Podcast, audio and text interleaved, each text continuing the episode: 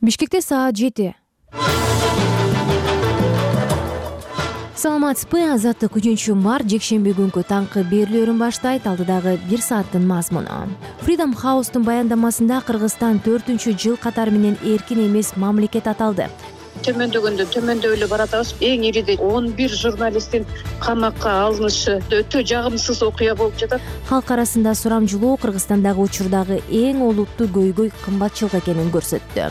Орусия борбор азиядагы бейөкмөт уюмдарды ооздуктагысы келеби. Кроме того в регионе функционирует региондо жүздөн ашуун ири батышчыл бейөкмөт уюмдар иш алып барат.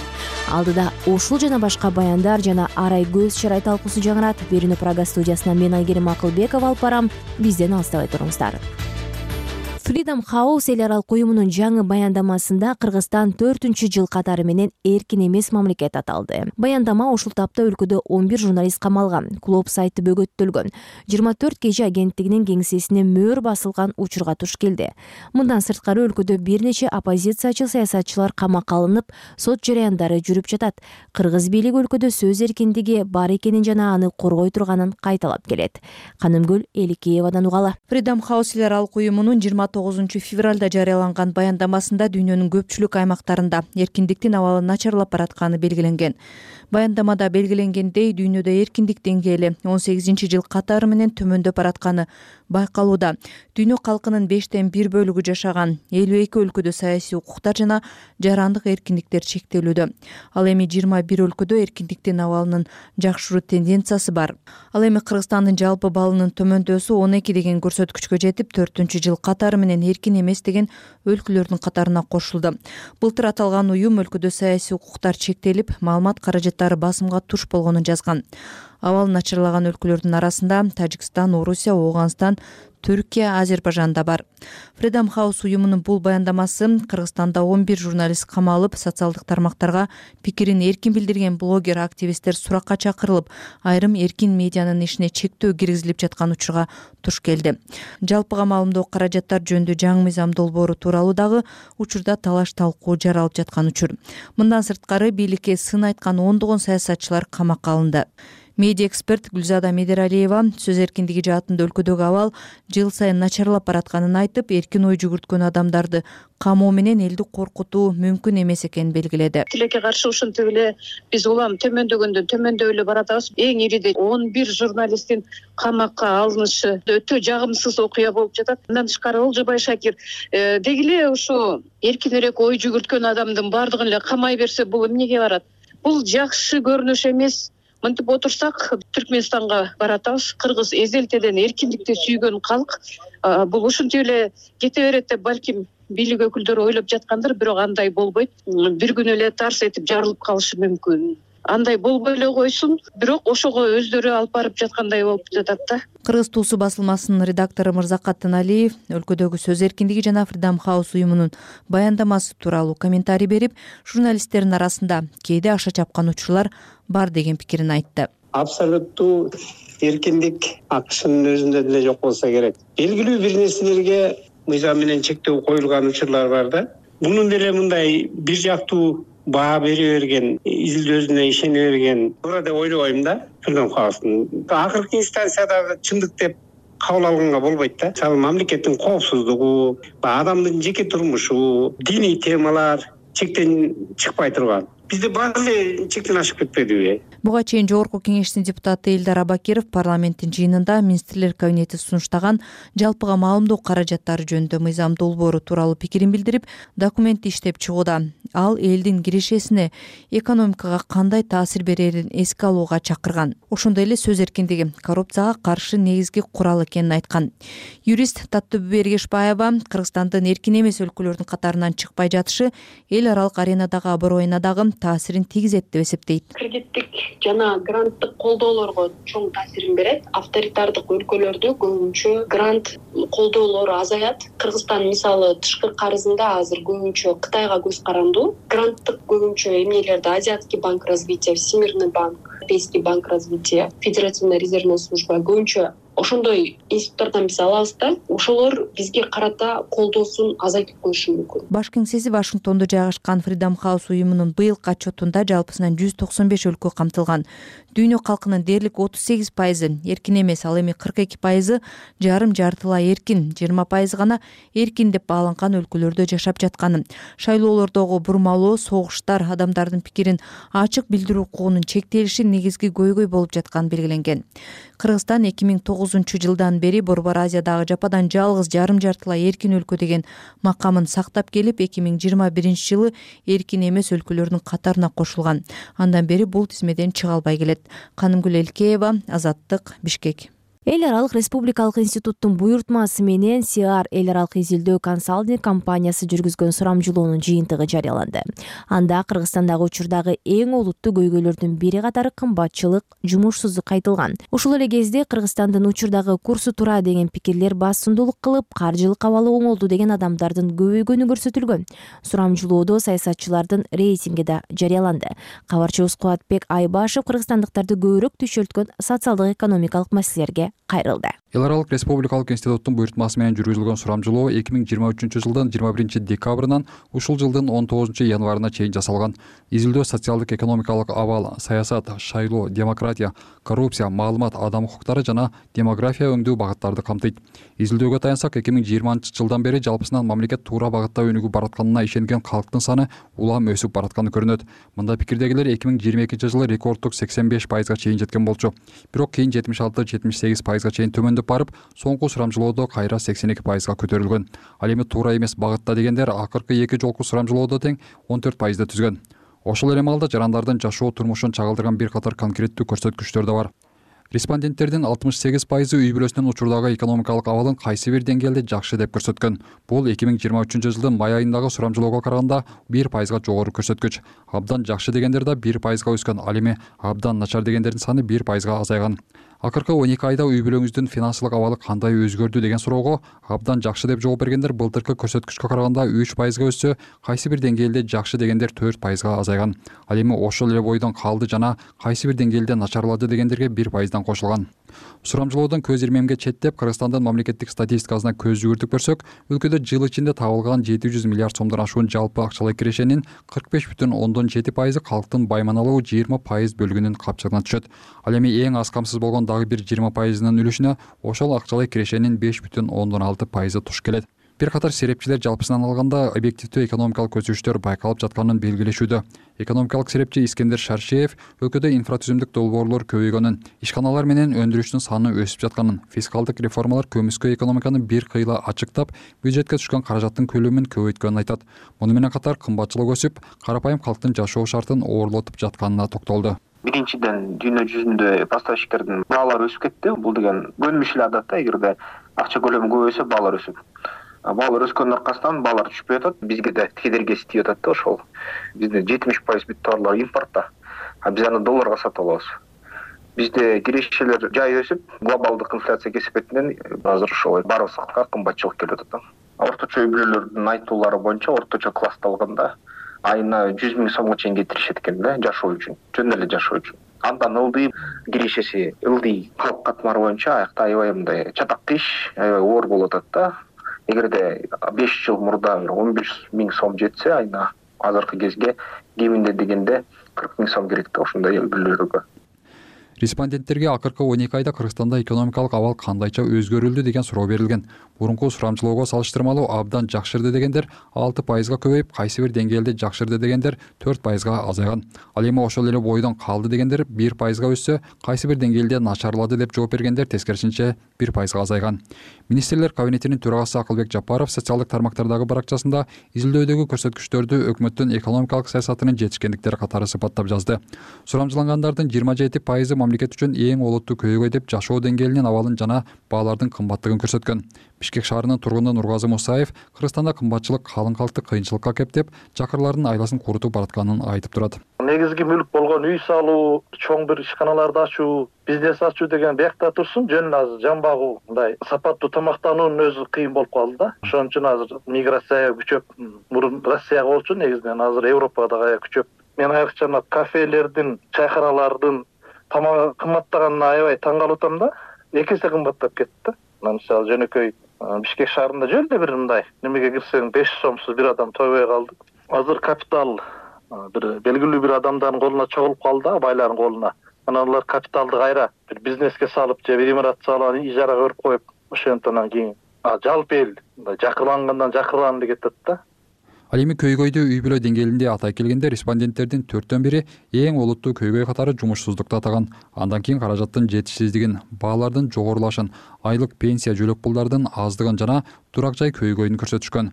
Социалдык маселелер боюнча серепчи жамила тогузбаева мамлекеттик кызматкерлердин кирешеси өскөнү калктын кирешесине бир топ огожо болуп калганын айтат. Бирок жеке компанияларда иштегендер кирешенин тартыштыгы менен кымбатчылыкты жоон териси менен жакшы эле сезип жатышат дейт госстатистика она же ведет данные по отчетности мамлекеттик статистика компаниялардын жеке ишкерлердин берген отчетторуна карап жазылат да ошондуктан ал болгону маалыматтарды жалпылап чыгарат. Айлык акы албетте жогорулады. Бирок мамлекеттик кызматкерлердики гана олуттуу түрдө жогорулады. Алардын маянасы азыр кырк миңден жетимиш миң сомго чейин. Башка жагынан алганда жеке компаниялардыкы мурдагыдай эле төмөн деңгээлде калып калды да мамлекеттик кызматкерлер бир кыйла көп болгондуктан статистиканы эсептегенде маянанын өскөнүн көрсөтөрү турган иш. Мен маселен жеке компанияда иштейм. Биздин маянабыз жети жыл ичинде беш миң сомго эле көтөрүлдү. Карап көрсөңөр мамлекеттик кызматкерлерге эки эсе көтөрдү. Мурда отуз миң сом алгандар алтымыш жетимиш миң сом алып калышты. А бизде болсо маяна отуз миң сом болчу. Азыр отуз үч отуз беш миң сом болуп калды жеке тармакта көп деле өзгөргөн жок. Мамлекеттик тармак болсо эки үч эсе көбөйгөндүктөн жакшы эле сезип калды. Сектор конечно не почувствовал ничего. Государственный однозначно почувствовали в два в три раза стали получать больше эки миң жыйырма үчүнчү жылдын май айындагы сурамжылоого салыштырганда бул жолу эң олуттуу көйгөй катары жумушсуздукту атагандар он пайызга көбөйгөн. Жумушсуздук шаардыктарга караганда айыл жергесинде көбүрөөк кур жегени көрүнөт. Ал эми шаар калк үчүн каражаттын жетишсиздиги баалардын кымбаттыгы социалдык төлөмдөрдүн аздыгы жана турак жай маселеси алдыңкы планда турат. Ошол эле маалда улуттук статистика комитетинин маалыматына таянсак эки миң жыйырма үчүнчү жылы жумушсуздуктун деңгээли төрт бүтүн ондон тогуз пайызды түзүп мурунку жылга караганда нөл бүтүн ондон төрт пайызга азайган кубатбек айпашев азаттык сиз азаттык радиосун угуп жатасыз. Уктуруубузду улантабыз жогорку кеңештин депутаттары шайлообек атазов менен айбек осмонов акы төлөнбөгөн эмгек өргүүгө чыкты. Осмонов сыртта дарыланып жүргөнүн билдирди. Атазов болсо комментарий бере элек. Буга чейин алардын аты атайын кызматтын төрагасы камчыбек ташиевке ыктаганы айтылып жүргөн регион телеканалында райымбек матраимов менен жакындыгы бар деген депутаттардын арасында аталган. Алар кетиши керек деген бир катар материалдар берилген. Буга чейин парламентте мандатын мөөнөтүнөн мурда тапшырган камакка алынган депутаттар да болгон. Жогорку кеңештеги соңку окуяларга кесиптешим эленора бейшенбек кызы токтолот. Атайын кызматтын төрагасы камчыбек ташиевке жакын экени айтылып жүргөн регион телеканалы парламент бажы кызматынын мурдагы төрагасы учурда изилдөө жүргөн райымбек матраимовго жакын бир убакта саналышы болгон деген депутаттардан арылышы керек деген материалдарды маал маал менен жарыялап жатат. Анда райымбек матраимовдун агасы искендер матраимовдон баштап надира нарматованын айбек осмоновдун шайлообек атазовдун жана нурлан ражабалиевдин аты ачык аталган. Ага чейин он үчүнчү февралда ата журт кыргызстан фракциясынын депутаты абдубахап боронбаев мандатын тапшыруу тууралуу борборлук шайлоо комиссиясына арыз жазганы бир күндөн кийин арызы канааттандырылганы белгилүү болгон. Президентке караштуу антикоррупциялык ишкерлер кеңешинин мүчөсү ялкын даутов регион телеканалына берген маегинде тазалоо жогорку кеңештин депутаттарына жеткенин билдирген. Коррупцияга аралашкан мурунку чиновниктердин тааныштары жакындары депутат болуп жогорку кеңеште отурат. Кечээ биз көрдүк боронбаев өзү каалоосу менен арыз жазып депутаттыктан кетти.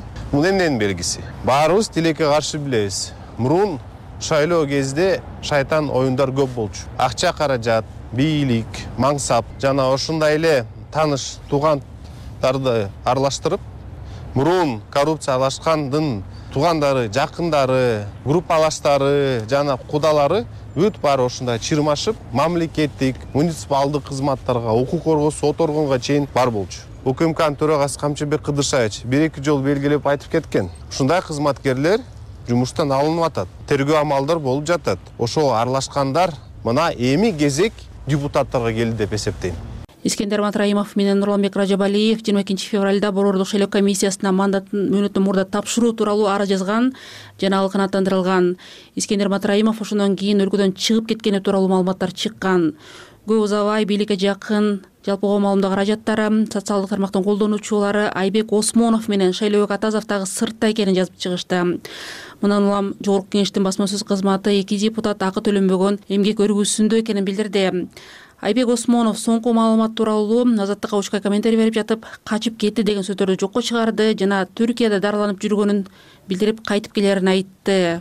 Буга чейин надира нарматова анын аты райымбек матраимов менен кошо аталып жатканына байланыштуу азаттыкка комментарий берген. Анда байланышы бар деген маалыматтарды жокко чыгарган парламенттеги соңку окуялардан улам. Убагында райымбек матраимовдуку делген мекеним кыргызстан партиясынын тизмеси менен шайлоого баргандар учурда эң ириде ата журт кыргызстан фракциясында депутат болуп отургандар тууралуу талаш талкуу жанданды мында шайлообек атазовдон сырткары ата журт кыргызстан фракциясынын лидери бакыт сыдыков депутаттар гүлшаркан култаева алишер козуев медербек сакараев дагы эки миң жыйырманчы жылдагы парламенттик шайлоодо мекеним кыргызстандын тизмесинде болгон азаттык аталган депутаттар менен макала жазылып жаткан чакта байланышууга аракет кылды бирок гүлшаркан култаевадан башкасы менен сүйлөшө алган жок. Култаева азаттыкка комментарий берип жатып соңку он беш жылга жакын убакыттан бери шайлоолорго бир нече партия менен катышканын белгилеп мекеним кыргызстанга кантип киргенин андан кийин ата журт кыргызстан партиясы аркылуу эл өкүлү болгонун учкай баяндап берди. Шайлоого негизинен мен эки миң онунчу жылдан бери өзүмдүн кандидатурамды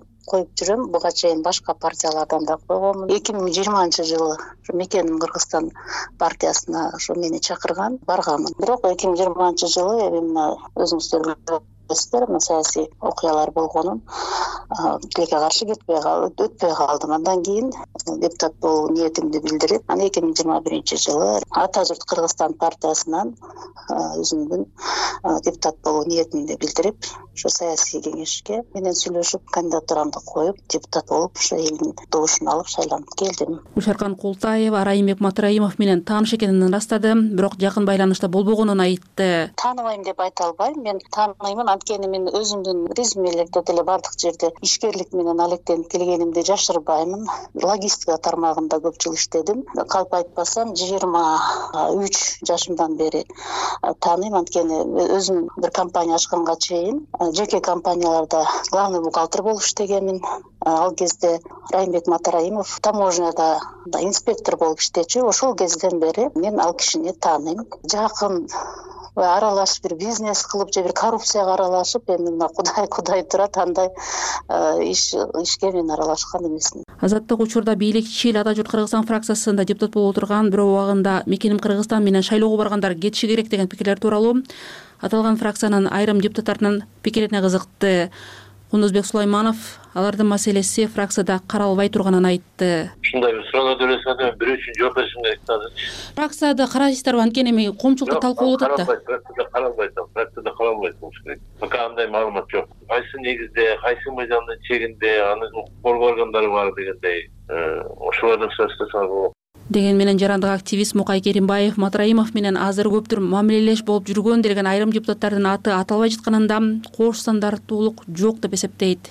Райым матраимовго жакын келген депутаттардын баардыгы анча мандатын тапшырып өз ыктыяры менен кеткендери кетип атат эми мен ойлойм эми чындап эле баягы моралдык жоопкерчилиги сезген депутаттар болсо өздөрү билип дагы кетип калыштары ыктымал деп ойлоп атам менчи карап көрүп туралычы дагы алдыда балким ошо сиз айтып аткан депутаттар балким өз мандаттарын тапшырып кетип алар жоопкерчилигин сезипчи анан так кесе кет бул кетет тиги кетет деп айтыш азырынча бир аз эртерээк болот го дейм. Кош стандарттуулук менимче жок себеби дегенде баягы түздөн түз байланышы бар депутаттар бар э, кээ бирлер баягы партиясы менен чогуу барып калган депутаттар бар эми. Балким алардын дагы байланыштары териктирилип аткандыр. Э, көрө туралы менимче али алдыда көп эле жаңылыктар болсо керек. Буюрса убакыт көрсөтөт алдыда али кетчү депутаттардын саны менимче көп эле болсо керек.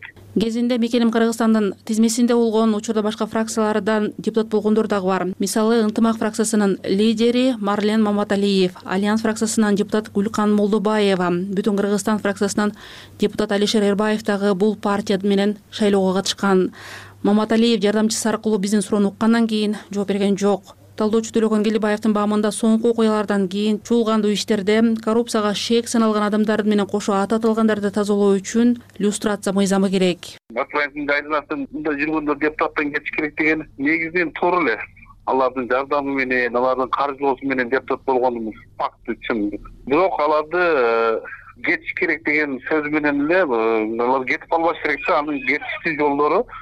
Эгерде алардын үстүнөн кылмыш иши козголсо мыйзамдуу болот мунун баардыгын мыйзамдаштырыштын жолу бул люстрация мыйзамын кабыл алыш керек. Ошондо гана баардыгына чектик коюлат ошондо гана баардык орду ордуна түшөт ага чейин сен кет мен кет бул кетсин деген сөз менен э, кыргызстан оңолбойбуз мындан кийин деле кайра азыркы азыркы бийлик мөөнөтү бүтүп кеткенден кийин кайра азыркы ошо кеткен адамды кайра келип алышы мүмкүн сотто кайра акталышы мүмкүн конфискация болгон мүлктөрү кайра кайтарып алышы мүмкүн. Болот ошон үчүн баардыгын люстрация мыйзамын кабыл алышыбыз керек. Коррупция боюнча аралашкан анабыздын жакындары бир туугандары үй бүлө мүчөлөрү депутат мамлекеттик кызматка аралашпайт деген талаптарды киргизишибиз керек. Эң жакшы люстрация мыйзамды кабыл алыш керек дагы ошондо кимдер кетиш керек ошонун баардыгы жазылыш керек. Ошондой эле парламент дагы кыргызстандын бийлиги дагы тазаланат. Жогорку кеңештин азыркы чыгарылышында депутаттар камалган учурлар дагы катталды. Альянс фракциясынан депутат болгон эмил жамгырчиев өткөн айда кармалып ушул айдын башында кайра үй камагына чыккан башкы прокурор курманкул зулушев былтыр жыл аягында парламенттен жамгырчиевди чек арадан мыйзамсыз өткөн деген негизде козголгон кылмыш ишинин негизинде жоопко тартууга уруксат сураган. Депутаттык комиссия тогузунчу январда макулдук берген. Жамгырчиев ошол күнү терезеден качып кеткени белгилүү болгон ал эми учурда бишкектеги биринчи май райондук сотунда бүтүн кыргызстан фракциясынын камактагы лидери адахан мадумаровдун соту болуп жатат мадумаровго негизинен эки кылмыш иши козголгон бирок бир өндүрүшкө бириктирилген биринчиси чек арага байланыштуу протокол тууралуу. Экинчиси чыңгыз абдымомунов аттуу адамдын арызынын негизинде ачылган. Мадумаров былтыр сентябрда кармалган ошондон бери улуттук коопсуздук комитетинин убактылуу кармоочу жайында жатат. Өзүнүн камалышын саясий куугунтук катары сыпаттап келет мадумаров камалгандан кийин анын айрым фракциялаштарынын үн катпай келгени ал тургай бийликке ыктаган учурлары партия куруу шайлоодо тизмет түзүүгө байланыштуу талаш талкууну жандантты. Саясатталоочу орозбек молдалиев шайлоо өңдүү саясий жараяндарда акча негизги ролду ойноп келгенин белгиледи. Учурда парламентти тазалоо аракеттеринде кош стандарттуулуктун белгилери байкалып жатканын айтты. Шайлоого даярдануу партия түзүү деген бул жөнөкөй эле бир жумуш эмес. Биринчи маселе эмне дегенде каражат маселесин чечиш керек болот. Ага офис керек болот агитаторлор керек болот көп чыгым талап кыла турган жумуш. Анан ошондо эле карайлаган там сюжет болуп эле анан барып акчалууларга барышат. Ар кандай жол менен акчалуу болгондор бар. Биздикиндей өткөн мезгилде ак эмгеги менен байыгандар бир саналуу эле кишилер болот алар. Анан ошонун самый яркий болуп мына райым миллионду айтып атышпайбы классический болуп калды да эми баягы акчалуу киши болгондон кийин анан ага барып партиясын түзө баштайт. Бул эми негизи мыйзам нерсе? Партия түзөт парламентке керек кишилерди жөнөтөт бул эми баягы саясий турмуштун терс көрүнүштөрүнүн бири да. Парламенттин азыркы чакырылышында эки депутаттын диплому тууралуу маселе чыгып мандатынан ажырады. Талдоочу бакыт жумагулов парламенттеги соңку окуялар кийинки шайлоолордо сабак болушу үчүн мыйзамдар өзгөрүшү керек деп эсептейт. Булардын баардыгы сабак болуш үчүн биринчиден шайлоо кодексине э, шайлоо жөнүндө мыйзамга өзгөрүүлөр киргизилиш керек.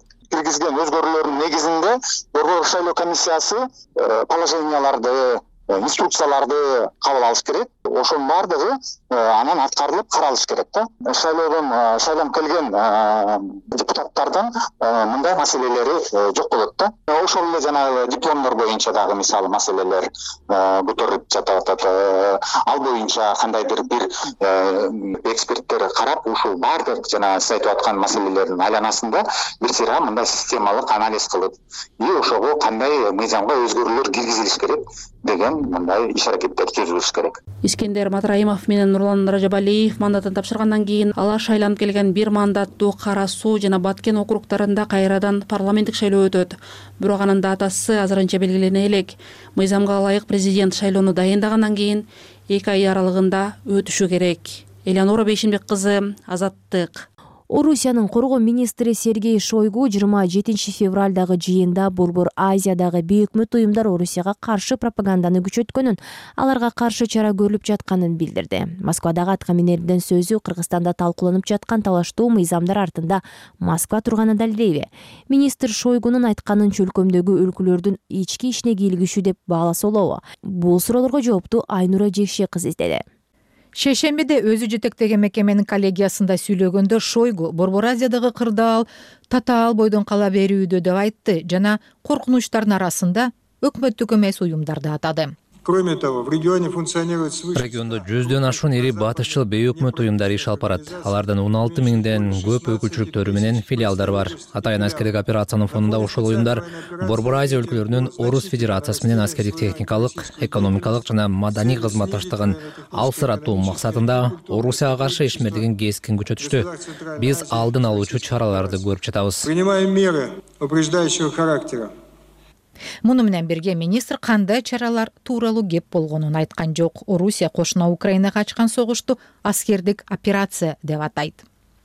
Саясат талдоочу эмиль жороевдин пикиринде шойгунун байкабай калып же максаттуу айтылган сөздөрү кыргызстанда талкууланып жаткан чет элдик өкүлдөр бейөкмөт уюмдар жалпыга маалымдоо каражаттары тууралуу мыйзамдардын артында орусия турганын ошол өлкө дем берип түрткү болуп жатканын далилдеп койду шойгунун сөзүндө так ошол мыйзам долбоорлорунун жөнүндө сөз болбойду.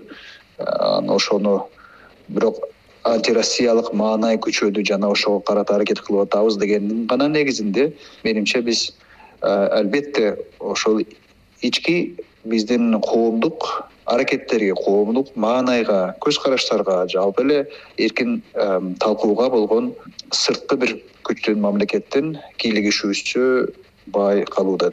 Орусиянын өзүндө чет өлкөлүк агенттер тууралуу мыйзам эки миң он экинчи жылы кабыл алынган ага ылайык юстиция министрлиги чет жактан каржыланган жана саясий ишмердик менен алектенген коммерциялык эмес уюмдарды чет өлкөлүк агент деп тааный алат жергиликтүү юристтер ошол ишмердик аныкталган критерийлер мыйзамда так көргөзүлбөгөнүн белгилешет. Андыктан орус бийлиги жобого таянып агартуу маданият саламат сактоо экология адам укуктары чөйрөсүндө иштеген уюмдарды да куугунтуктай баштаган. Натыйжада көптөгөн бейөкмөт уюмдар жабылууга же ишмердигин чектөөгө мажбур болду адилет укуктук клиникасы чет элдик өкүлдөр тууралуу кыргызстандагы мыйзам долбоору орусиянын чет элдик агенттер жөнүндөгү мыйзамына токсон сегиз процентке окшош экенин аныктаган.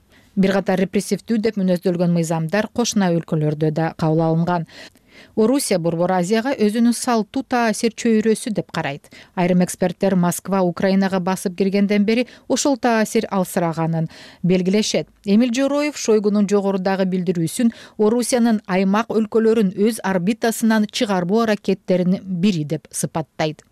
Согуш башталгандан бери орусиянын тарабын э, таламын талашкан тарабында турган ашып кетсе беш алты эле өлкө калды. Анан алардын арасында албетте нейтралдуу позицияны карманабыз эч жакка болушпайбыз деген расмий билдирүү менен катар э, де факто орусияга өтө ыктап жакын болуп келаткан э, борбор азия өлкөлөрү албетте орусияга өзгөчө маанилүү. Кыргызстанда болсо менин э, кооптонгонум бул жөн гана орусиянын орбитасынан чыгарбай туруу эмес. Керек болсо орусиянын ошол геосаясий биздин чөлкөмдөгү максаттарына курал катары инструмент катары колдонуп калбаса экен деген э, менимче даана коркунуч бар. Андыктан мындай коркунучка эң негизги э, жолу бул так ошол информациялык э, коопсуздугубузду бузуп биздин информациялык майданыбызда өздөрү бийлегендей өздөрү каалагандай сценарийлерди ойлоп чыгуусу менимче эң биринчи орундагы маселе болуш керек. Сөз болгон жыйында орус коргоо министри регионго ооганстан тараптан коркунуч жаралганын ислам мамлекети террордук уюмдун согушкерлери көбөйгөнүн борбор азиялык өлкөлөр менен биргелешкен аскердик машыгуулар өтөөрүн билдирди. Айнура жекше кызы прага орусиянын украинадагы согушу башталганына эки жылдан ашты. Бул мөөнөт ичинде украинадагы кыргызстандыктардын бир бөлүгү өлкөдөн чыгып кетишкен. Эч нерсеге карабай кыйын күндөрдө украин эли менен бирге болууну каалап өлкөдө калгандар да бар. Алардын бири украинадагы меридиан мектептерин негиздөөчүсү кумарбек романов киевден байланышка чыгып ал жактагы маанайды күнүмдүк турмуш элдин үмүтү тууралуу айтып берген эле. Аны менен кабарчыбыз элиза кененбаева маектешти кумарбек мырза украинадагы согушка эки жыл болду. Бул убакыт ичинде украин коому кандай өзгөрдү? Эми негизгиси өзгөргөндөрдүн бирөөсү биз бул эки жылдын ичинде баалуулуктарыбыз өзгөрдү. Мисалга эң эле жөнөкөй илгери биз эртең менен туруп каяка барам эмнеге барам десек эми азыркы жалпы эле украиндер менен бирге биз муну маектешип отурганда айтабыз. Тирүү койгонгонубузга жакшы деп сүйүнөбүз. Ага шүгүр кылабыз анан курсагыбыз ток досум чалды ага сүйүнөбүз. Өзгөргөн жагын айтайын күнүмдүк өзгөрбөгөн жагын айтыштын кереги жок. Баягы мурдагыдай эле жашоо өзгөргөнү биз э, комендантский час бар бул жакта. Биз баардыгыбыз ошого карап мамиле түзөбүз да. Себеби саат он бирден баштап уже үйгө карап жөнөй башташыңыз керек да. Себеби а мекемелер тогуздан баштап жабыла баштайт баардыгы баягы кафелер болсун ишканалар болсун эң кеч иштеген тогузга чейин иштейт анан кийин тогуздан кийин ондон кийин уже үйүңүзгө карап жөнөй башташыңыз керек себеби жолдо токтотуулар болот ар кандай суроолор болот. Бул эми согуштун баягы нормасы го деп ойлойм муну. Анан ошон үчүн үйгө барып саат он бир дегенде баардыгыбыз үйдө отуруп калабыз светтер өчөт. Ал эми азыркы кырдаал кандай сиз киевде турасыз күн алыс аба чабуулдар болгону кабарланат. Ушундай шартта жашоо оңой болбосо керек жакшы деп эсептебейм мен негизичи бирок биздин бир бир абал бар азыр учурда. Биз бул согушка көнүп калдык.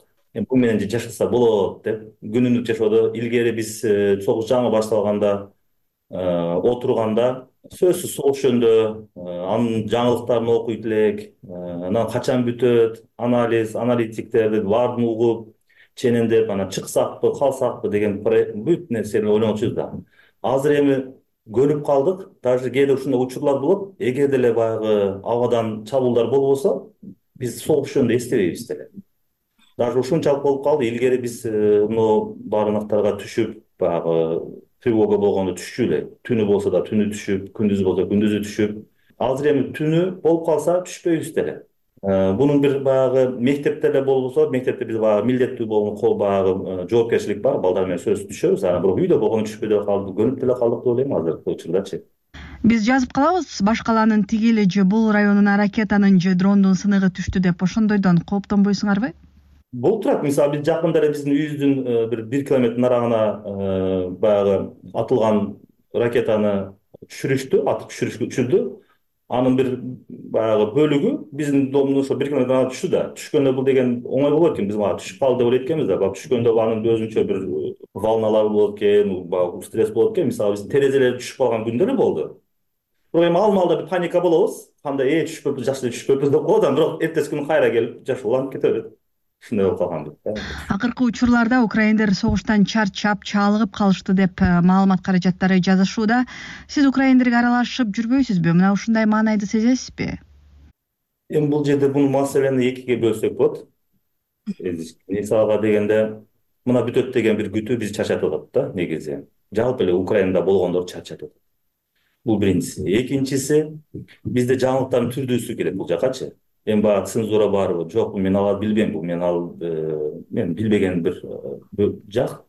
Бирок кээ бир жаңылыктар э, баягы негативдүү болсун баягы коррупцияга окшогондор же баягы аскерлердин маянасы берилбей калды деген же болбосо америкадан жардам келбейт экен деген ошого келбейт экен же европанын азыркы учурда эли жардам беребиз бербейбизин ойлонушуп атыптыр десе ошого окшогон жаңылыктар дагы бизди Э, бир аз чачатат да негизи жалпысынан сизде эми мисалы башка украиналыктарга салыштырмалуу тандоо бар. Мекениңизге кетсеңиз болот башка жака чыгып кетсеңиз болот. Эмне себептен ушул эки жыл өтсө дагы дагы эле украинадасыз мен бул апам менен дагы сүйлөшкөндө булардын жакшы күндөрүндө бирге болдум да менчи биринчи эле оюм жакшы күндөрүндө бирге болдум жаман күндөрүндө бирге болуу менин милдетим болчу да. Бул биринчиси. Экинчиси э, бул тандоо ошол учурдун абалдын да тандоосу болду да. Себеби мен бул жерде азыр колумда үч жүздөн ашуун сотрудник иштейт бул жерде. Анан сегиз жүз элүү окуучум бар миң алты жүз ата эне бар. Анан аларга мен коркуп атам анан мен кетет элем деп айта албайм да же бул мектептерди биз баштатпаш керек эле баштабаш керек эле же болбосо булар менен бирге до конца болуш керек деп ойлойм. Акырына чейин акырына чейин биз бирге болуш керек. Себеби мен алып туруп эле мен кеттим урматтуулар деп кетип калган туура эмес го деп ойлойм. Наоборот биз азыр учурда буларга баардыгын ошол эле учурда сыртка чыгам дегендер сыртка жардам бердик калам дегендерге калгандай жардам берип атабыз. Ушундай колдон келген жардамды берип атабыз да. И не только бул өзгө иштегендер бул милдет катары жардам беребиз анан плюс эми украина аскери болсун украина эли болсун колдон келген жардамды аткарып атабыз азыр украинадагы согуш ал жактагы борбор азиялыктарга анын ичинде кыргызстандыктарга кандай таасирин тийгизди? Эми биз э, жаңы келгендеги учурунда мен бул жака келгенде баягы бир айырмачылык сезген эмесмин. Кадимкидей үйүмө келгендей эле сезгем да. Анан согушта мындан дагы жакыныраак болуп калдык да биз негизичи дагы дагы келип мисалы үйүмө чейин келип ал акыбалымды сурап мен алардын үйлөрүнө барып ал акыбалды сурап э, баягы мурдагы мамилелерибиз дагы да чыңалып калды десем болот да негизи. Украиндер мененби же ошо ич ара бири бириңер мененби борбор азиялыктар ал жакта бул жакта себеби борбор азияда илгери бул жакта э, алты жүз жети жүз киевде кыргыз бар эле эми алардын калганы көп болсо биз он жети жыйырмадай үй бүлө калдык бул жерде бири бирибизде эми дагы да албетте мамилебиз дагы да чыңалып калды. Бул кыргыздар менен деле болгон жагы бар. И украиндер менен деле биз аябай жакшы мамиледебиз азыр. Ооба бул жерде биз ай сайын жолугуп дагы турабыз. Баягы кыргызстандагы салттар бар чогулуп бир жерде аш жеп дегендерибиз бар. Өзүбүздүн кыргыз жаранынын бир бирде кафеси дагы бар ашканасы бар. Ошол жерде ай сайын чогулуп турабыз баягы шеринебиз бар э, кезектешип э, өткөргөн. Алар бул биринчиси нерсе баягы мамиле плюс группабыз бар. Мисалга э, ким каяка түштү дегенде бир кабарлар түшүп турат абайлагыла тигиндей кылгыла деп ошо ошол учурларда бири бирибиз менен байланышып тирүүсүңбү деген сөздөр жөнөкөй эле сөз калганбыз эй тирилесиңерби амансыңарбы деп ушундай сөздөр сурап калганбыз баягы. Биринчи башта жазып атканда эки ойлонуп жазчу элек азыр эми автоматтык түрдө жазып калдык негизи согуш башталган учурда ошол дүйнө коомчулугу украиндердин сабырдуулугуна ошол бекемдигине бир уч болуп бир муштумга түйүлүп ошо бир жеңебиз деген мындай күчүнө баа беришти эле да ал эми ошо эки жыл өткөндөн кийин дагы эле ошондой дем барбы аларда жеңебиз деген же мындай бир үмүтсүздүк пайда боло баштадыбы? Сиз эмнени байкай алдыңыз? Негизи булардын э, ички дүйнөсү ички баягы нерсеси деле күчтүү элдер экен. Баягы ар түрдүү баягылар болот да жаңылыктар дебедимби башында жаңылыктар болот же кабарлар болот э, э, өз ара сүйлөшөбүз бул жакта биз дагы кээде отурганда сүйлөшөбүз. Анан баягы кичине убактыбыз болуп калса анализ кылабыз аналитиканы жүргүзөбүз бул жакта. Бирок негизгиси биз жеңебиз деген сөз дагы деле бар да. Негизи дагы биз дагы жеңебиз деген сөзүбүз бар сергек жашоо сергек жашоо ден соолук улуттук саламаттык интернетте эң көп окулган темалардын сап башында. Баарыбызды медицинадагы илимий ачылыштар дарылоонун жаңы ыкмалары. Канткенде оору сыркоону алдын алып жашоонун сапатын жакшырта алабыз деген маселе ойлондурат. Дал ушул темаларды азаттыктын сергек жашоо подкастынан уга аласыз. Подкастты apple google spotify аянтчаларынан жана азаттык чекит орг сайтынан табасыз жашоо сиз угуп жаткан азаттык радиосу эми кезек арай көз чырай талкуусуна келип жетти. Жакында бишкек жана ош шаардык кеңешинин укуктарын кыскарткан мыйзам долбоору жогорку кеңештен артка кайтарылды. Мыйзамга ылайык мэрлердин бийлиги бекемделип депутаттардын укуктары кыскарат. Азаттыктын арай көз чырай талкуусунда эки ири шаардагы бийлик балансы жөнүндө сөз болду. Студияга мурдагы вице премьер министр аалы карашев мамлекеттик кызмат жана жергиликтүү өз алдынча башкаруу агенттигинин директорунун орун басары мыктыбек өмүрзаков жана бишкек шаардык кеңешинин депутаты таалайбек усубалиев келген талкууну кесиптешим кубат оторбаев алып барды. Келгениңиздерге чоң рахмат мыктыбек мырза. Эмне себептен ушундай демилге көтөрүлүп жатат? Э, ошо сиздердин агенттик негизи өз алдынча башкаруу системасын чыңдашыңыздар керек да. Бул кичине ошол принципке ошол идея миссияга кичине каршы келгендей болуп атат да. Саламатсыздарбы. Биринчиден конституцияга ылайык министрлер кабинетинин төрагасы тарабынан жогорку кеңешке киргизилген. Бул жогорку кеңеште каралып биринчи окууда э, четке кагылды. Жетимиш бир добуш менен. Эми бул жерде э, бир тараптуу эле мэрдин бийлиги чыңдалып кеңештин укуктары чектелип атат деген мен макул эмесмин. Себеби бул жерде бир нече мыйзамдарга пакети менен өзгөртүүлөр киргизилген анын ичинде бюджеттик кодекске бул э, үч жыл баягы бюджети прогноздон үч жыл деген беш жылга узартылган андан сырткары бир нече мыйзамдарга өзгөртүүлөр киргизген ошонун ичинде пакеттин ичинде. Борбор шаарынын статусу жөнүндө мыйзамга жана ош шаарынын статусу жөнүндө мыйзамга өзгөртүүлөр каралган. Бул мыйзамда өзгөртүүлөр болгону мэрдин укуктарын эч кандай кеңейтпейт болгону шаардык кеңештердин бишкек ош шаардык кеңештеринин баягы жетекчилерге ишеним көрсөтпөө жөнүндөгү нормада ошол мэрге ишеним көрсөтпөсө болот ал ошол жергиликтүү өз башкаруу органынын жетекчиси катары. Ал эми анын структуралык башкармалык бөлүмдөрү бар да түзүмдөрү бар департаменттери бар башкармалыктары бар бөлүмдөр бар. Андан сырткары мамлекеттик органдардын шаардык структуралары бар башкармалыктар бөлүмдөр. Ошолорго ишеним көрсөтпөөнү бул шаардык кеңештерден алып койгонбуз. Бир нече негиздерден улам өзү негизи принцибинде саясий басым болбош керек. Административдик кызматка мен жогоруда айткан кызматтардын баары административдик кызматта турат дагы ал эми шаардык кеңештердин депутаттары бул саясий кызматкерлер болот. Ошондуктан саясий кийлигишүү болбосун.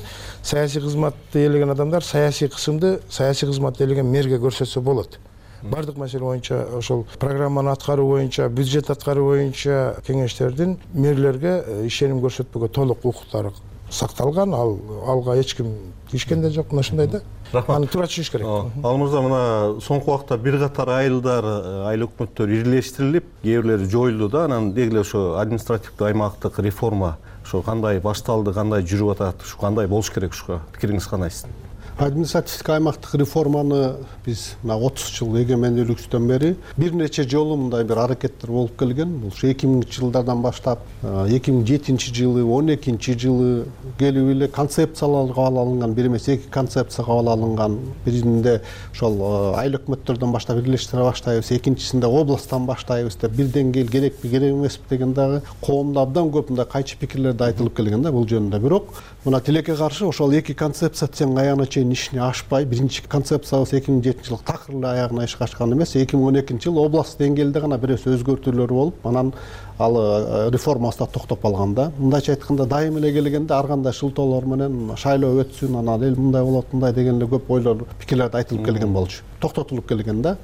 Анан мына э, эки миң жыйырма экинчи жылдан баштап бизде мына президентибиздин жарлыгы менен пилоттук деп туруп ысык көл областынын түп районунда анан э, эки миң жыйырма үчүнчү жылдын апрель айында президентибиздин жарлыгы менен нарын областында деп туруп ошол жерде административдик аймактык реформа башталды же болбосо ирилештирүү башталды. Практикалык жүзүндөгү биринчи мындай чечкиндүү бир алдыга кадам болду да жоопкерчилик болду. Буга чейин мындай болгон эмес. Анан ошол эле мезгилде бул административдик аймактык реформа дегенден кийин мен үч төрт нерсеге токтолуп кетким келет. Биринчиси жөн эле механикалык түрдө эле ирилештиребиз бирине бирин кошобуз деп эле кошуп койгонго мен кошула албайт элем да жөн эле кошконгочу аны биринчиден биз билишибиз керек эмне себептен кошуп атабыз? Негизгиси алдыга койгон максатыбыз эмне? Концепциябыз кандай? Алдын ала эмнени көрө алабыз? Биз ошондой ирилештирип турган болсок бизге кандай жыйынтык берет? Эффекти кандай болот анын анан негизги ар бир мамлекеттик башкаруунда өз алдынча башкаруунун дагы түздөн түз ошо милдети ошо жеринде элдүү пункттарда жашаган калкка э, жашоосуна шарт түзүп берүү жашоо деңгээлин көтөрүү да. Мына ошолорго жооп береби? Ошонун жыйынтыгын эмнени ала алабыз деген биринчиден суроо туулуп атат да. Анан экинчи жагын айтып кетет элем биринчиден мына ошол пилоттук деп аталгандан аталышы айтып турбайбы. Ошо пилоттук ошол жерде көрөлүк. Кандай болот тажрыйбасын көрөлүк депчи.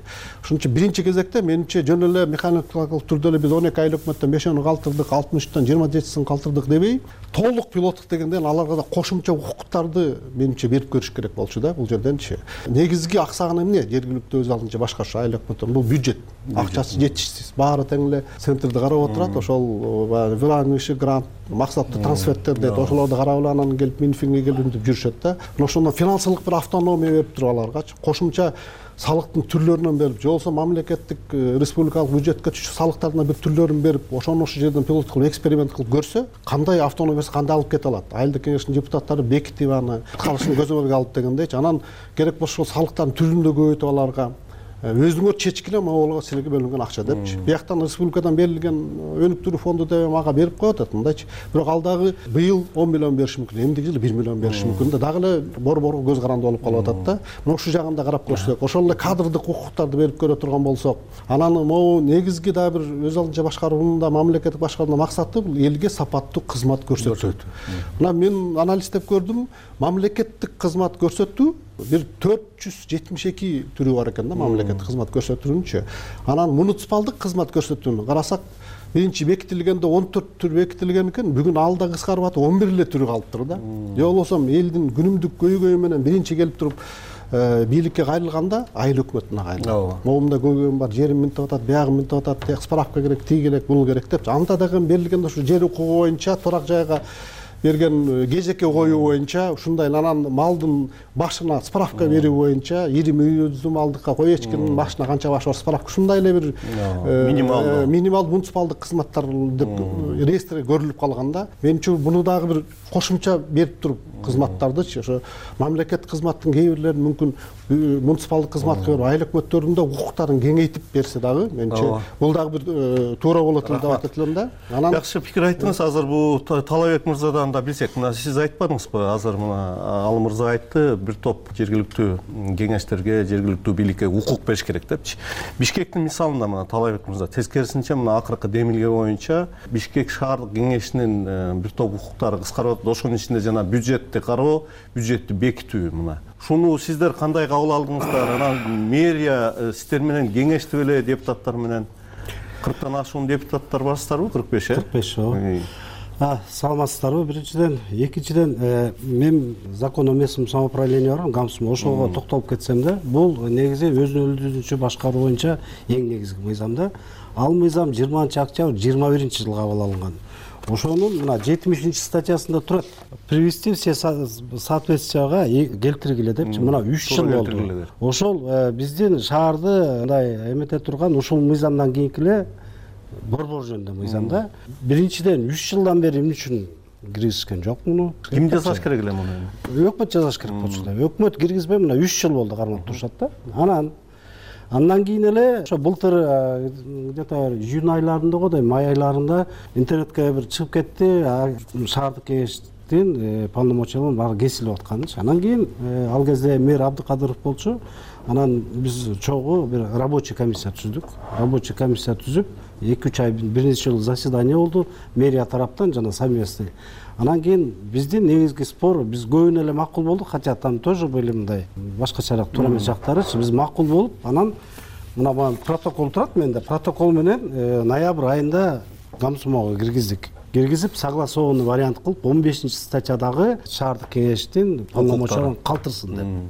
Анан ошол эркинтип киргизгенден кийин дагы жатты мына быйыл ноябрь болду бир жылдайчы уже үч жыл болгондон кийин киргенден кийин эле карасак эле баягы жогорку кеңешке барганда карасак эле бизди да катышкыла деди. Карасак эле закон о столице боюнча сегиз полномочиябыз бар ошонун бешөөнү кесип таштап алар эмне полномочиялар бул биринчиден жанагы э, вице мэрлерге жанагы структурный подразделенияларга ушуларга э, эме көргөзбө ишеним көргөзүү ишеним көргөзүү боюнчачы анан кийин биз эмне үчүн биз ушуну калтыргыла деп атканбыз да? Себеби деген бишкек шаары токмоктой же баткенде же нарындай кичинекей шаар эмес. Бул шаар бир жарым миллион эмеси бар. Борбор деген статусу бар. Бүт административдик зданиялар ушул жерде турган. Мэрдин отузга жакын структурный подразделениясы бар. Ар бириники кээ бирлериники бир миллиард сомго чейин жетет. Бир бюджетичи. Мисалы үчүн ушул эле бишкек асфальт сервис. Андан тышкары э, то есть э, он сегиз он сегиз структурный эме муниципальный предприятиясы бар а дагы он үч э, структурный подразделение. Жанагы думи жер боюнча тигүү дегенчи мына хаотичный застройка боюнча архитектура боюнча кандай маселелер бар да?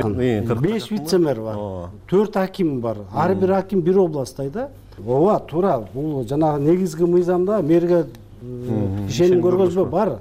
Но бирок жөнөкөй тил менен айтканда по каждому поводу эле мэрди чакыра бербейбиз да мисалы үчүн ал бул болсо сдерживающий фактор гана болуп аткан да. Себеби деген он алтынчы жылы акыркы жолу сурасам он алтынчы жолу гана бир жолу недоверие көргөзүптүрбүз бул болсо баягы кичине мындай сегиз жыл ооздуктап турганга гана ушулар керек болчу да бизгечи. Мына неме мыктыбек мырза айтып атпайбы ошол э, ишканалардын башчыларына саясий кызым болуп калышы мүмкүн саясий басым болуп калышы мүмкүн деп. Жок ошону айтып саясат барбы сиздерде. Жок биздерде саясат жок да бизде негизи шаардык кеңеште көбүнчө чарбалык гана маселелер биз саясатка мындай эми ал үчүн жогорку кеңеш бар башка бар дегендейчи анан кийин чарбалык маселелерде ушундай кээ бир ситуациялар болуп калат да ошол эркинде бул сдерживающий фактор ошону биз калтыргыла дегенбиз согласованный кылып гамсумого кетиргенбиз анан жогорку кеңешке барганда эле баягылар чийилип туруп эле үч жанагы выпаската анан бирдеке сирдеке деп ушул калыпта андан кийин андан кийин эле атр чыкты административный территориальный форма ал чыгып ал боюнча бюджетти дагы эметип кетиптир анда эми жогорку кеңештин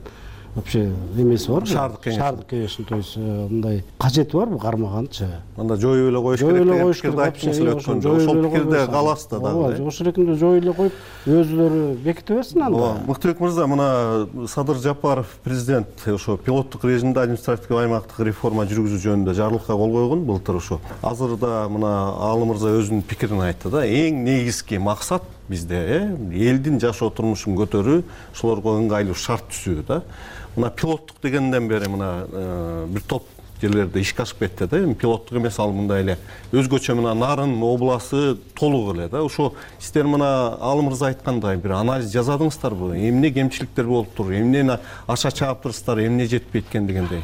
Туура э, ал азимович эми э, ушул кыргызстанда баягы жергиликтүү өз башкаруу деген термин колдонула баштагандан бери бүт баардык маселелерде катышып көргөн өтө тажрыйбалуу жетекчи. Мен айтып атканым э, мына ушул реформа жүргүзүп атканда бул саясий чечим. Кыргызстанда пилот деген дагы түшүнүк жок. Бир дагы нормативдик укуктук актыда пилоттук режимде мындай жасаса болот деген жок. Бул саясий чечим болду. Себеби алазымович айткандай отуз жылдан бери э, аймактык реформа жүргөн эмес. Азыр деле административдик аймактык деп аталганы менен көбүрөөк аймак болуп атат. Себеби айыл өкмөттөрдүн анан шаарлардын эми административдикке дагы жетебиз буюрса азыр административдик ушу шаарлардын гана деңгээлинде анча мынча өзгөрүүлөр болбосо негизинен баягы башкаруу мамлекеттик башкаруунун тутумунда анчалык өзгөрүү жок эсе да анан ошондуктан бул экинчи үчүнчү этап болушу мүмкүн. Бирок биринчи этабында айыл өкмөттөрү менен шаарлардын деңгээлинде болуп аткандан кийин реформа саясий чечим кабыл алынгандан кийин мына ошол айрым мыйзамдарга пилоттук режимде айрым мыйзамдарга каршы келген учурлар бар указдын көп закондорго каршы келген учурлар бар да. Бирок негизги э, принциптер сакталыш керек. Ал үчүн мына пилоттук киргизгенден кийин анан мыйзамдарга өзгөртүү киргизилет. Пилотту көрүшүбүз керек. Түп менен э, нарын областында негизги плюс минустарын көрдүк демек э, саясий чечим болгондон кийин өтө бул мындай экен деп майда чүйдө нерселерге каршылаш кыла бербеш керек да. Мына мен э, азыр шаардык кеңештин эки шаардык кеңештин ыйгарым жөнүндө дегенде кыскарып кетти ал бул деген туура эмес. Биз кеңейтип атабыз. Мына бир анда ошо мен ушул мисал азыр жооп берейинчи. Бюджет боюнча айтсаңыз анда бюджет эми кантип бюджет боюнча бюджет боюнча сиз айтып аткан талай мырза айтып аткан мыйзамдарга андай өзгөрүү киргизилген жок. Бул конституциялык норма ал жерде өкүлчүлүктүү органдар бекитет ал жерде укуктук ченемдик акты менен бекитилет деген норма бар да. А мэрдин чечими болсо укуктук эмес республикалык бюджет бул мыйзам менен бекитилет жергиликтүү бюджеттер жергиликтүү э, кеңештер. жергиликтүү кеңештер менен бекитилет. Ал эми себеби жергиликтүү кеңештер деген жергиликтүү кеңештердин токтомдору чечимдери бул укуктук ченемдик акты да. Мэрдин чечими чечими укуктук ченемдик акт эмес укуктук ченемдик акт эмес. Ал ченемдик акт болот бирок укуктук акт эмес да анан. Ошондой болгондон кийин туура эми э, мына бул мыйзам менен азыркы президенттин жарлыгын экөө бир учурда жогорку кеңеште талкууланып калып бул ушул чаташтырып алып атат да көпчүлүк. Ал жерде э, мыйзамдарга өзгөртүү киргизгенде эч кандай чектөө жок. Тескерисинче э, укуктарын кеңейтип барабыз жанагы мал жайуунун эрежелери ал бул деп атпайбы тарифтерди бекитүү деген. Аларды тескерисинче кеңейтип берип атабыз булар мыйзамдан кыскарып кетти деп атат да сегизден бешке кыскарып кетти деген. Бул негизги э, мыйзамда бул жергиликтүү өз алдынча башкаруу Э, жергиликтүү мамлекеттик администрациялар жана жергиликтүү өз алдынча башкаруу органдары жөнүндө мыйзамда жергиликтүү кеңештин укуктары көрсөтүлгөн. Ошол көрсөтүлгөнгө кошумча борбор шаардын статусу жөнүндө жана ош шаарынын статусу жөнүндөгү мыйзамдарда ошол мыйзамда көрсөтүлгөн укуктарга кошумча төмөнкү укуктар берилсин деп анан баягы кайталанып калган эки закондо. Ошону гана жергиликтүү эмес. деп чыгарып атабыз дагы булардын укуктарын кеңейтип атабыз тескерисинче. Анан болгону болгону. Биз айтып аткан мен жогоруда айттым жанагы ишеним көрсөтпөдө мэрге гана ишеним көрсөтпөсүн мэр менен сүйлөшсүн саясий жетекчи катары. Калган административдик кызматкерлерге кысым көргүзчү саясий кысым болбосун деген гана ой. Болгон. Ал ушул маселе боюнча кандай ойдосуз жанагы мына ишеним көргөзбөй деген мэрден башка жанагы кызматтарга? Эми биринчиден баары тең биз укуктук өлкөбүз да баары ошо мыйзам талаасында укук талаасында мыйзам чегинде өткөзүлүш керек да баары тең. Анан эми мына пилоттук деп туруп э, жана кийилгени кийилгенде дагы ошол бюджетти шаардык кеңештин депутаттары бекитпейт. Аны көзөмөлгө албайт. Мэр өзү бекитип өзү расход кылат деген мен жалпыга малдуу каражаттарына мындай алып окудум да өзүм көргөн жокмун указды анан. Бирок ушундай болгондо бул деген бизде баш мыйзамыбыз негизги мыйзамыбыз конституциябызда өзүнчө глава бөлүнгөн жергиликтүү өз алдынча башкаруу органдарда ал жерде жергиликтүү кеңештердин укуктары так жазылган. Ошондо биринчи болуп жазылганы ошол аймактын шаар болобу айылдык аймак болобу ошол жердин э, социалдык экономикалык өнүгүү программасын бекитет жана анын атка алышын көзөмөлдөйт. Экинчисинде жазылып турат жергиликтүү кеңештер жергиликтүү бюджетти бекитет бюджетти көзөмөлдөйт аткарылышын анан анын отчетун угат депчи ушунда да мындан менимче э, бюджет боюнча айтып келгенде мен толук мындай конституциянын чегинде болуш керек да. Анда бул жарлыкты даярдагандар э, президентти мындай ыңгайсыз абалга калтырып атабы анда? Мүмкүн мүмкүн болгондо экинчи жагынан сөзсүз түрдө э, мындай баланс. Орусча айтканда система сдержек противовесов дейт да. Сөзсүз түрдө бир мындай тең салмактоо э, э, тең салмактуулук сакталып туруш керек. Ооздукта тең салмактап анан сөзсүз түрдө ошондой талаш болгондо кайчы пикир болуп айтылганда анан алдыга жылуу болот да. Баарын тең бир жерде берилип калган болсо тактоо киргизип коеюн менимче кичине туура эмес болуп калат. Да ал эми экинчи маселе мен айтып кетейин экинчи маселе э, жанагы кадрдык маселе боюнча бул дайыма эле мындай көп жерде ушундай айтылып келет да кадрдык маселе кадрдык маселе. Мына биз парламенттик башкаруу системасына өттүк деп эки миң онунчу жылдан бери эки мөөнөт аны да көрдүк мындай алып карагандачы.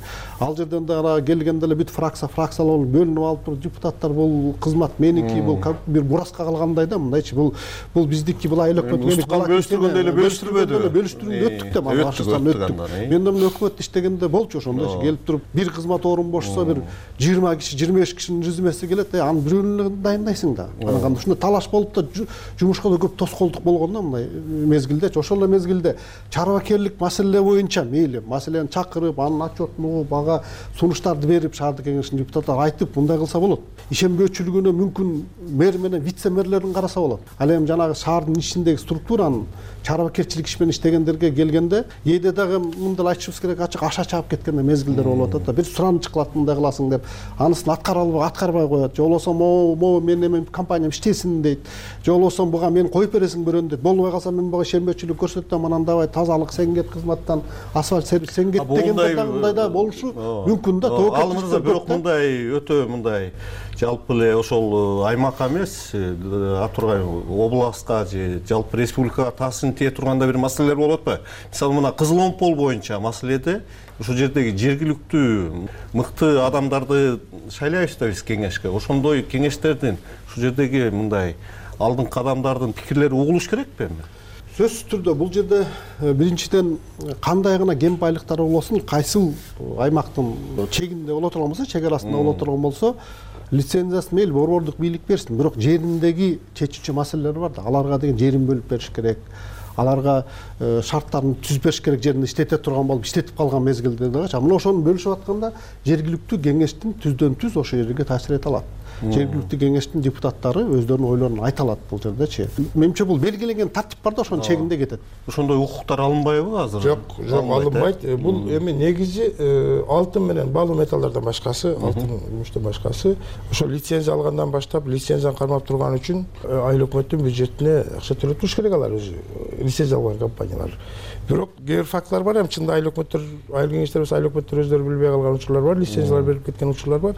Бирок бул нерсе эми э, мыйзамдык деңгээлде алганда э, проблема жок. Ошо жоболорунда деле көрсөтүлгөн айыл өкмөткө кабар бериш керек башка кылыш керек айыл өкмөт айыл кеңештин макулдугу менен болуш керек себеби жер берилип атат да. Э, ал жер биринчи лицензия мисалы үчүн баягы чалгындоого берилет анан чалгындоо канча жылга созулат деген маселелер бар да ал жерде. Анан түз эле барып казып кирбейт да ошон үчүн мына бул гуля кожокулова бизде юрист э, жогорку кеңештеги бир алдыңкы мындай сабаттуу деп коеюнчу депутаттардын бири ошол бүгүн маселе көтөрдү да ошо кызыл омполдо мисалы жергиликтүү кеңештин үнү угулбай калды деп. Ал эмне пикирди айтып атат? Мен чынын айтканда мен чынын айтканда бул боюнча маалыматым жок экен.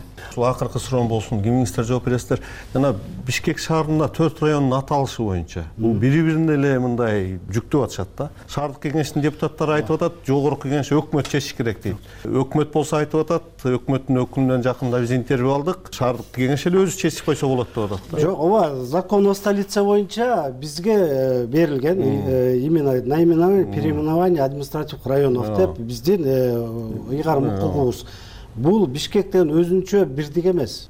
То есть райондор ооба райондор бирдик эмес. бирдик эмес. эгерде айтматов району же болбосо таластагы тиги манас району болсо анда ал административдик аймак өзүнчө. Бирок ошондо сиздер чече албайсыздар э? жок өткөн биз чечебиз. өткөнкү жогорку кеңешке киргизилген мыйзамда биз ушул укукту кеңештерге берип атабыз да. Себеби жок берип атпайбыз ал бар уже. бул турат да азыр действующий редакция бишкек районунун төрт району бул административдик өзүнчө бирдик дагы эмес калктуу конуш дагы эмес да. Ошон үчүн бул шаардык кеңеш көчөнүн атын өзгөрткөн сыяктуу эле шаардык кеңеш өзү өзгөртө берсин деп өзгөртүүлөрдү киргизип атабыз жок киргизген эмес ал бар действующий редакцияда. Рахмат. Бүгүн биз жергиликтүү кеңештердин мэрлердин бийлик балансын талкууладык. Студиябызда мурдагы вице премьер министр аалы карашев мамлекеттик кызмат жана жергиликтүү өз алдынча башкаруу агенттигинин башкармалык башчысы мыктыбек өмүрзаков жана бишкек шаардык кеңешинин депутаты таалайбек усубалиев болду. Талкууну мен кубат оторбаев алып бардым. Э, саламатта калыңыздар урматтуу угарман сиз азаттыктын таңкы берүүлөрүн уктуңуз. Азаттыктын ушул жана башка макала баяндарын азаттык чекит орг сайтыбыздан окуңуз ютубтагы азаттык медиа баракчабызда биздин видео баяндар жана телепрограммалар жайгашкан. Берүүнү мен айгерим акылбекова алып бардым. Аман болуңуздар